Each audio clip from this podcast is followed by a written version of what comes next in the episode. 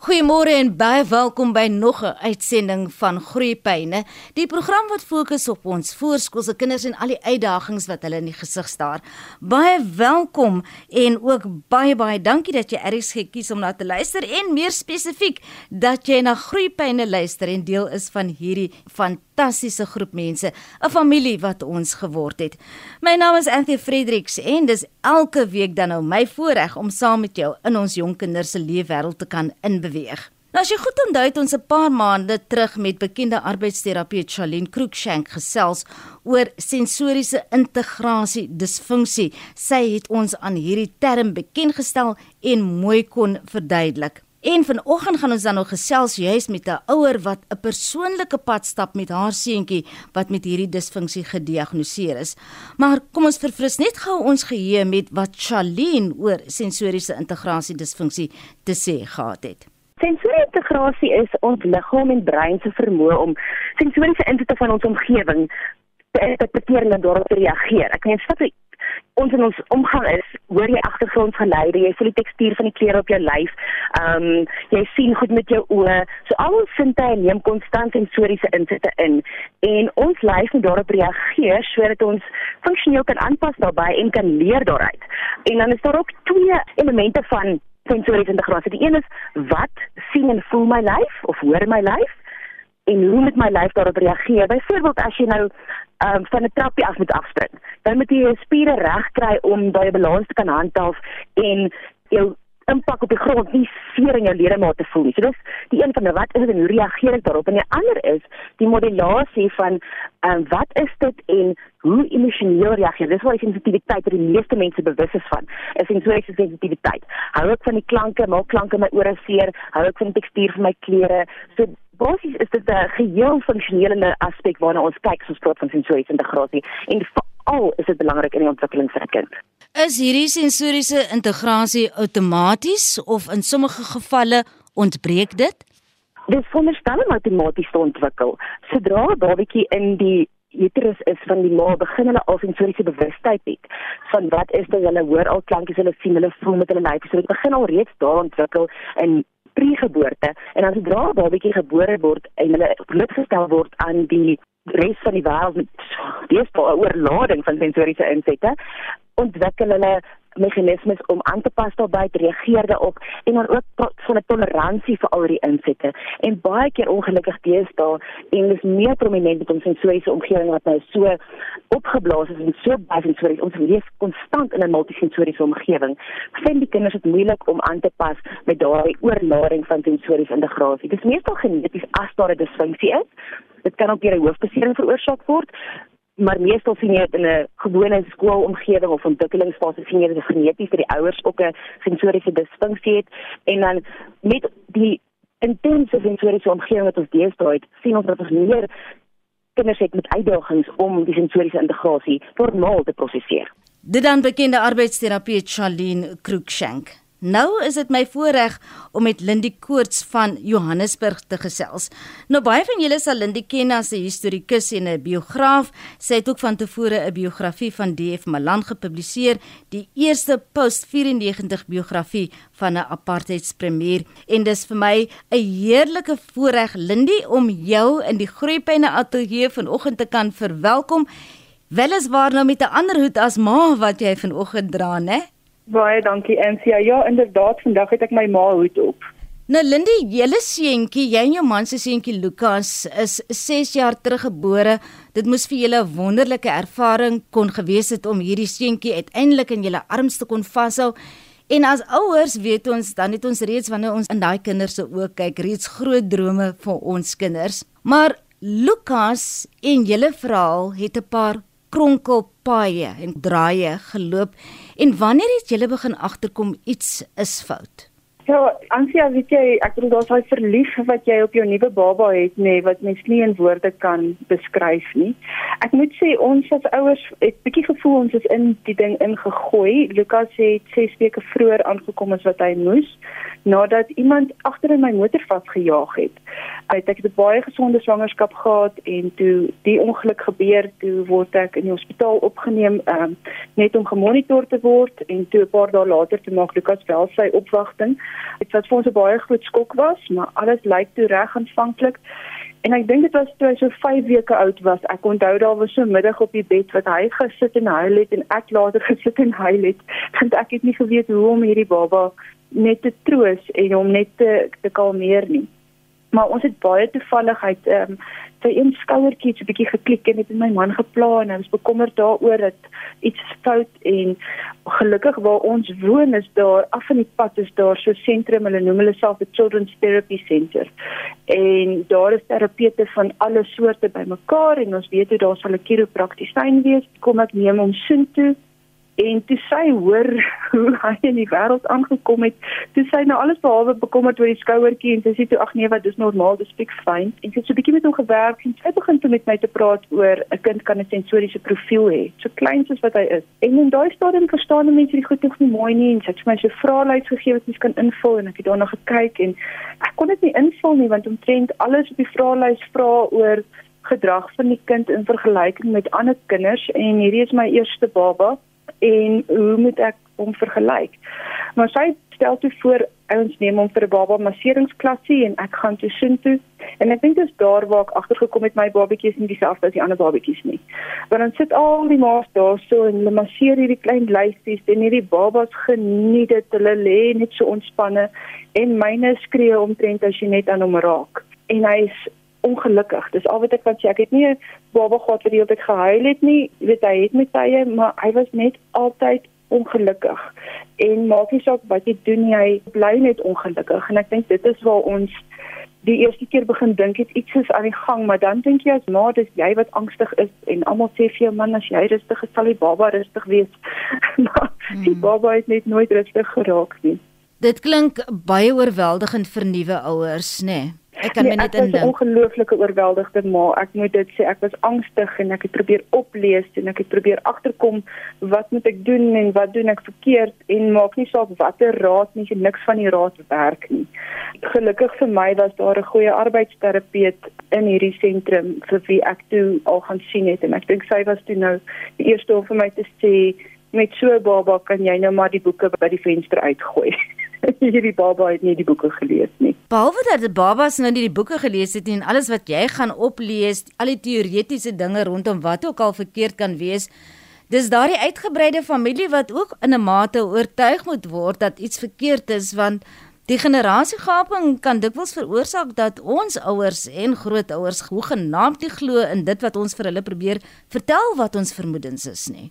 Ja, ons het ons het dit veral agtergekom met my ouers. My ma en stiefpa woon in Switserland en hulle het natuurlik nou nie so die baba pad saam met ons gestap nie. En my seentjie was net so voor 2 jaar oud het ons vir hulle gaan kuier en hulle sien toe ons nou op eiers loop rondom hierdie kind want teen daai tyd ek en sê kyk ons het nie geslaap nie. Ek het vir 4 en 'n half jaar nie geslaap nie. En hierdie kind raak oorgestimuleerd met ligte in die aande en om te kry om hom te kalmeer. Ek glo ons begin die aandroetine al hier 6 uur en dan teen half 10 slaap die kind nog nie. Ehm um, dit ons was nou al in hierdie tyd so angstig en dan word daar vir ons gesê, weet seker nou met goeie bedoelings, hmm. maar dan is dit iets soos ag nee, mens moet sterk grense kan trek. Ehm um, en jy moenie dat 'n kind hulle lewe so beheer nie. Jy weet, dit is asof ons dan nou as ouers nie in beheer is nie en hy wil nie eet nie, hy wil hy trek sy neus vir alles op. Nee man, jy moet net vir hom lekker kos maak. so asof ons dit alles probeer het nie. En dit is kort daarna wat ons die sensoriese prosesseringsdiagnose gekry het. En ek moet sê daar's 'n deel van my wat in trane uitgebars het van verligting want hierdie hele tyd dink ek ek doen iets verkeerd. Wat doen ek verkeerd? Al die ander ma's se babas slaap, myne wil nie slaap nie. Almal se babas eet en myne wil nie eet nie. En as mense vir my iets sê soos ag nee man, hy kry nie tande, myne is ook so dat hy tande kry. Toe dink ek maar luister, dan kry hierdie kind nou het hy nog nooit een dag opgehou met tande kry nie, want dis nie asof dit ooit ophou nie. Jy kry nie 'n breek hier in nie. Ehm um, en toe ons die diagnose kry en kon begin lees wat dit is en ook vir die grootouers kon verduidelik wat dit is. Toe word hulle saam met ons kampvegters vir ons kind en dit het ongelooflik baie beteken. As ek moet sê wat my skoonma ook vir ons doen, ook om ons seentjie te ondersteun en met begrip te ondersteun. Dit doen geweldig baie vir iedereen. Ek dink daardie woorde met begrip wat jy gebruik beteken so verskriklik baie uh, vir 'n mens.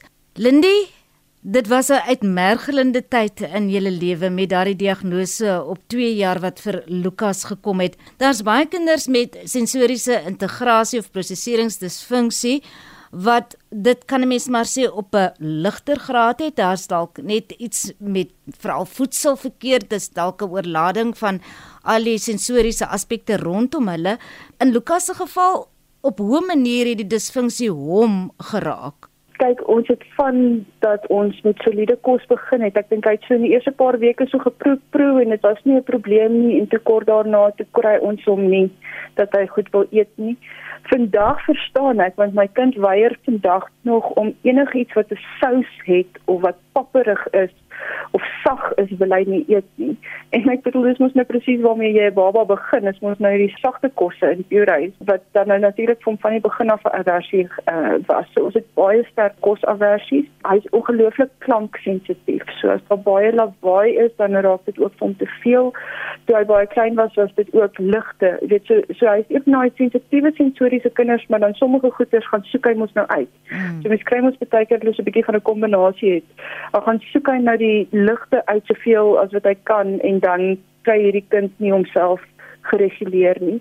En ek dink dit enige iets wat net nie werk nie, as hy nie weet die kinders kan vreeslik rigied raak en beheer oor hulle omgewing probeer uitoefen en as dit nie vir hulle moontlik is nie, dan is dit hierdie ongelooflike uitbarstings. Een van die goed wat die terapeute baie gou vir my verduidelik het, was die verskil in Engels nou praat mens van 'n tantrum of 'n meltdown en dit kon ons so duidelik sien want 'n uh, oudtyd se tantrum die kind het nie sy sin gekry nie. As jy nou vir hulle sin gee gaan hulle ophou skree. 'n meltdown is nie dieselfde nie. Hierdie kinders gaan in 'n toestand in en jy kry hulle nie daar uit nie. Jy kry hulle nie gekalmeer nie. En dit gaan lank aan. 20 minute halfuur en met so klein mensie dat jy hulle nie uit hierdie hysterie uit kan kry nie. Dit was regtig baie moeilik. En ek dink een van ons oomblikke wat ons altyd sal onthou, ons sê dit altyd ons die moeder van alle meltdowns gehad op OR Tambo lughawe. Juist toe ons nou op hierdie familievakansie vertrek om vir my ouers te gaan kuier in die paspoortbeheerlyn wat hierdie kind net so oorweldig was deur alles wat in hierdie lughawe om hom gebeur, want dit is klank en ligte en geraas en beweging. En hy het so te kere gegaan ek moes hom uit die pad uit neem dat die res van die mense net kan verbystap. En so oomblik wat ek in my lewe nooit sal vergeet nie het 'n man by my verbygestap en in Afrikaans vir my gesê ek kry jou so jammer dat mense kan jou help. En net daai menslikheid waarmee iemand na my toe uitgereik het op daai oomblik is iets waarna ek tot vandag toe nog vashou dat mense ook kon sien hierdie is nie hierdie is nie sommer net 'n normale ding nie Hoe beïnvloed dit 'n verhouding tussen 'n man en 'n vrou, twee ouers met hierdie bondeltjie vreugde en al hierdie uitdagings wat hulle in die gesig moet staar met hierdie einste Lukas? Ja, ek moet sê ek is ek is baie gelukkig. Ek weet ek het met 'n fantastiese man getrou en hy is so geweldige toegewyde pa. Maar ek dink as ouers gesamentlik, ons het aan bomskok gelei vir soveel jare. Ek dink ook ons rol as ouers het absoluut ons weet ons lewens oorgeneem en alles oorheers. So dit voel vir my baie keer ons as mense en as groot mense het op autopilot gefunksioneer terwyl ons net hierdeur probeer gaan met ons kind. Dit was baie belangrik om die hele tyd op dieselfde bladsy te bly. Want ek bedoel ons moet deur baie terapie gaan. Terapie is duur. Dit mens moet besluit dat jy daarvoor betaal dan moet jy bereid wees om by die huis te doen wat die terapeut sê. Ek is die ene wat in al die terapie sessies ehm um, gesit het saam met my seentjie. Dit ons het met arbeidsterapie begin en die arbeidsterapeut het ons dadelik ook spelterapeut toegestuur want die twee gaan hand aan hand. Want as hierdie kinders so angstig is, dan beïnvloed dit hulle emosionele regulering. So mens moet dit ook gedoen het en dan weet wanneer dit kom by dissipline, dan raak dit ook 'n uitdaging. En ons tye wat my man so gefrustreerd raak en bly net vir die kind 'n behoorlike oudheid se pak slaag om te gee. Want dit want dit, dryf jou met tye tot daai vlakke en nou moet jy sê nee, ons moet nou kalm bly, ons moet kan kalm raak en moet kan praat oor wat nou gebeur het en jy weet die terapeute raad moet ons by die huis kan volg. En dit baie vasbyt want terapie is 'n langtermynproses. Jy weet as ons om 'n arbeidsterapie toe gevat het, dan van mense vir ons van o, nou werk dit. En dan dink ek maar dis nie een of twee of drie sessies en dan jy reg nie. Jy gaan moet weet jy gaan nou pad stap. En met tye moet jy op jou tande byt, nee, en deurdruk daarmee. Maar wat ons wel kan sê is hier van ouderdom 5, 6 af toe begin al hierdie blokkies vir ons so in plek te val die een na die ander en toe kon ons sê al hierdie jare se terapie, al hierdie deurdruk, al hierdie daarmee vasbyt kan ons nou die resultaat sien. Maar ons praat nou van ouers wat vir weet vir minste 4 jaar voluit die hele tyd met ons kind deur hierdie proses gegaan het. En so gesels my gans vanoggend Lindie Koorts oor haar seentjie Lukas wat op 2 jarige ouderdom gediagnoseer is met sensoriese integrasie disfunksie. Lindie, die diagnose is gemaak op 2 jaar en soos jy dan ook vir ons voor die breek verduidelik het, toe begin hierdie lang pad met terapie vir Lukas. Ons weet dit is nie 'n oornag ding nie, jy het dit baie mooi gestel, maar op watter stadium kon jy sien daar is ietwat lig aan die einde van hierdie tonnel? Weet jy eintlik, ek dink daai deel van ons verhaal het vir ons gewys dat die rol wat die omgewing in die skool speel vir die terapie om te werk net so krities belangrik is. Want ons het toe op ouderdom 3 het ons vir Lukas weet in die primêr gesit en baie opgewonde, hy gaan nou begin lees, weet met maatjies speel En kort voor lank het ons gevind by die skool dat hy oorweldig is, ehm um, dat dit hom te veel begin raak en ons het met die juffrou gepraat. Ons het voor die tyd vir gesê Lukas is sensories en ons het die terapie span wat vir kan bystand gee en sy sê toe vir ons wel sy moet die hoof se toestemming vra dat die terapeute dan nou 'n klasbesoek moet kan doen en vir haar moet kan bystaan. En tot ons verbuistering toe weier die skoolhoof ons kon dit nie glo nie. En toe sê hy vir die juffrou goed soos ag nee hy dink die kind is net manipulerend en so. En ons maak toe 'n afspraak om met hom weet te gaan praat hieroor. En ek dink die afspraak sou vir die maandag gewees het en nie daai naweek toe gaan die land in die inperking in. So toe het ons vir Lukas nou weer vir maande by die huis en alles gaan goed. En toe hy nou terug gaan skool toe het hulle geroteer. Dit was elke tweede dag en dit was 'n baie klein klasie toe sy net saam met 'n paar kindertjies. En alles loop toe goed totdat ons weer terug is in die voltydse rooster en die volle klasie en toe begin hy weer heeltemal uitdak. En elke dag hoor ons 'n klagte van die juffrou oor wat vandag skeef geloop het en wat vandag gebeur het en die jaar daarna gaan dit nog erger.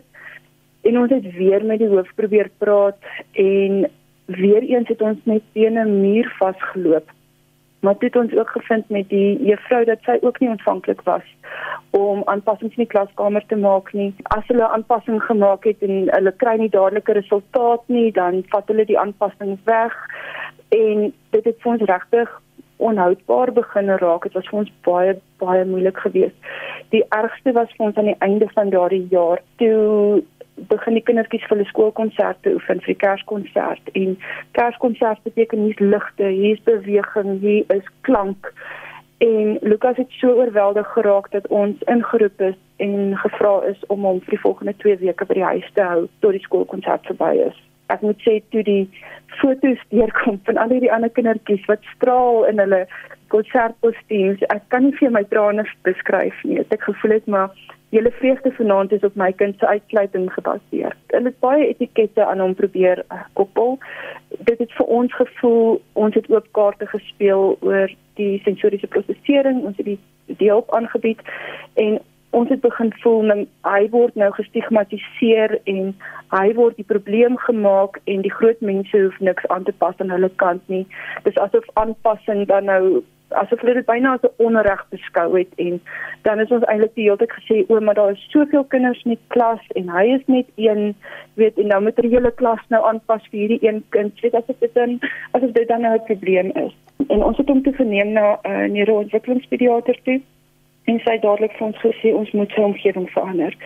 So ons het toe skole geskuif en ek kan nie vir jou sê wat dit vir ons gedoen het nie. Want ons skuif toe na Janselje toe wat 'n uh, privaat skool is in Johannesburg, 'n top 'n top skool. Weet ek bedoel ons moes toe nou natuurlik as gesin ook 'n aanpassing maak. Ons moet nou baie ver ry om by die skool te kom. Ons betaal baie meer skoolgeld as van tevore.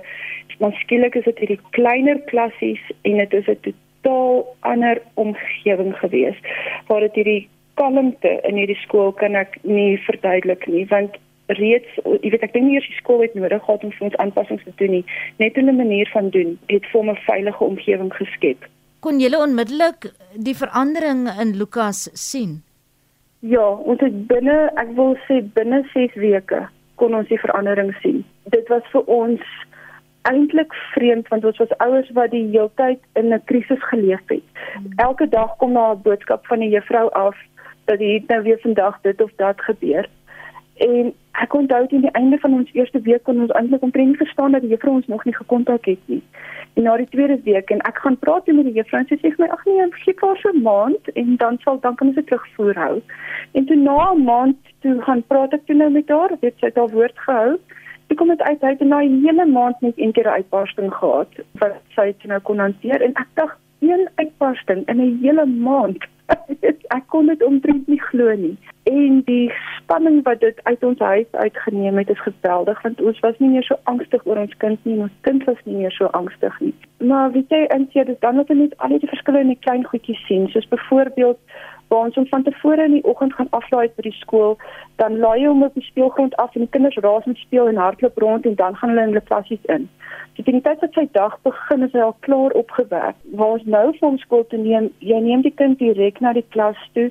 Die juffrou ontvang hulle in die klas waar dit 'n baie kalmere omgewing is. Hulle het klassieke musiek wat hulle saggies deur die gange uh, laat speel. Die kinders loop in kalmte in en op daai manier om so kalm dag te begin, ek kan ek nie vir jou verduidelik wat dit doen nie. En natuurlik al die terapeute is op die perseel. So die juffrou en die arbeidsterapeut en die spelterapeut kan met mekaar saamwerk en praat en enige goetertjies baie gou met mekaar uitsorteer. So ons het nie nodig gehad om as ouers van buite af in te kom om die hulp te probeer bied nie. Dit was daar gewees. En toppunt vir ons het aan die einde van daardie jaar gekom want die skool bel my toe eendag te sê hulle hoorie Lukas huil sy ore pyn Ehm um, weet hulle weet nie of hier oor infeksie is nie. En ek gaan toe skool toe, ek gaan haal hom, ons gaan dokter toe. Dis baie vreemd, weet ons het nou baie dinge, maar Lukas het nog nooit met oorinfeksies gesukkel nie. En ons kom by die dokter en die dokter kan niks met sy ore fout vind nie. En ons is toe huis toe en toe ons by die huis kom, sê Lukas vir my maar Mamma, ek het vandag gehuil. My ore het gepyn want die musiek was te hard. Toe kom dit uit dat hulle besig om kersspel te oefen. En ek kontak toe dadelik sy arbeidsterapeut by die skool en nou het ons hierdie assosiasie van wat verlede jaar met ons gebeur het. Hmm. So ek raak baie emosioneel daaroor en ek vertel voortdurend met die vorige konsert en dadelik is al woorde, ag, ontspan. Dis nie die eerste sensoriese kind wat ons al deur die konsert gehelp het nie. Dit is wat jy by die huis kan doen. Hierdie is wat ons by die skool sal doen en so het hulle vir Lukas gehelp. En daai aand, ek kan nie vir jou sê nie, ek raak nog tranerig daaroor. Ons my seentjie as 'n klein herdertjie daar op die verhoogde kon sien dat hy kon deelneem. Um, omdat hy groot mense was wat verstaan het en gehelp het. Was net iets wat ek nie vandag in woorde kan omsit nie.